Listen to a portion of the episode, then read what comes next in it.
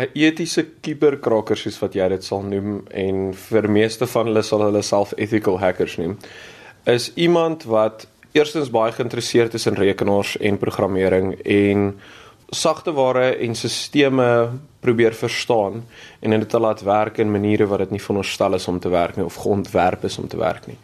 Nou partykeer kan hierdie wees net om 'n uh, iets anders te te bereik, soos miskien 'n ander boodskap op jou skerm op te pop, maar aan ander kere kan dit wees om letterlik 'n bankstelsel te laat werk uh, in 'n manier wat hy nie geontwerp is om te werk nie. So byvoorbeeld om geld oor te plaas van een rekening na 'n ander rekening toe of so.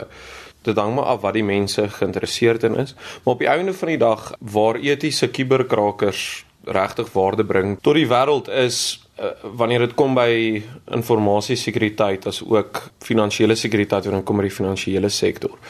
Etiese kuberkrakers sal basies aangestel word as 'n konsultant deur een of ander maatskappy, gewoonlik hulle IT departement sal dit doen.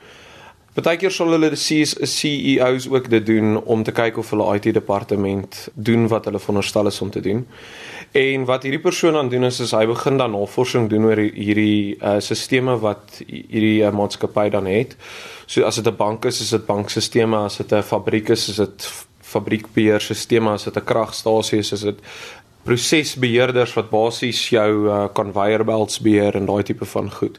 So dit gaan baie oor om te kyk hoe daai goed werk, dit uitmekaar uit te te trek en te kyk hoe jy dit kan laat werk soos wat dit nie geontwerp is om te werk nie. Dan baie keer kan hierdie negatiewe soos uitkomste hê, soos byvoorbeeld jy kan geld verloor of jy kan 'n conveyor belt hê wat stop op 'n kragstasie wat nie meer steenkool in die in die boilers se uh, brander invoer nie. Daar's klomp sulke scenario's waar jy waar 'n stelsel wat veronderstel is om in een manier te werk en nou werk nie meer in daai stelsel nie, kan dramatiese impak hê op die wêreld.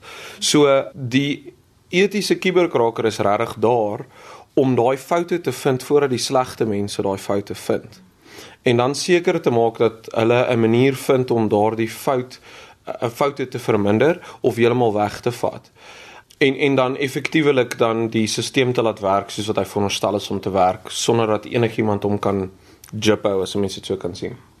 Wat het jy gestudeer om dan nou hierdie hierdie etiese kuberkraker werk in te neem? So die joke is dat daar is 'n klomp geformaliseerde kwalifikasies wat mense kan doen, maar die realiteit is is dat die beste skool wat ek vir jou kan gee is Google als wat ek geleer het, het ek nie in 'n klaskamer geleer nie. Die realiteit is, is dat enigiemand het die het die ability om hierdie te kan kan doen met hulle genoeg tyd en 'n internetkonneksie het en genoeg dryf het om dit actually te kan doen. Ja. Nou wanneer dit kom by maatskappye wat jou spesifiek aanstel, hoe is hulle dan seker dat jy 'n etiese kuberkraker is en jy nie net eintlik 'n kuberkraker is nie?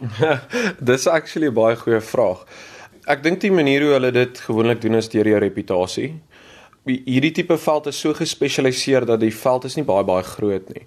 So jy maak nogals vir jouself 'n naam of jy maak vir jouself 'n naam wat niemand van weet nie, wat ook 'n goeie ding is in sekere kontekste.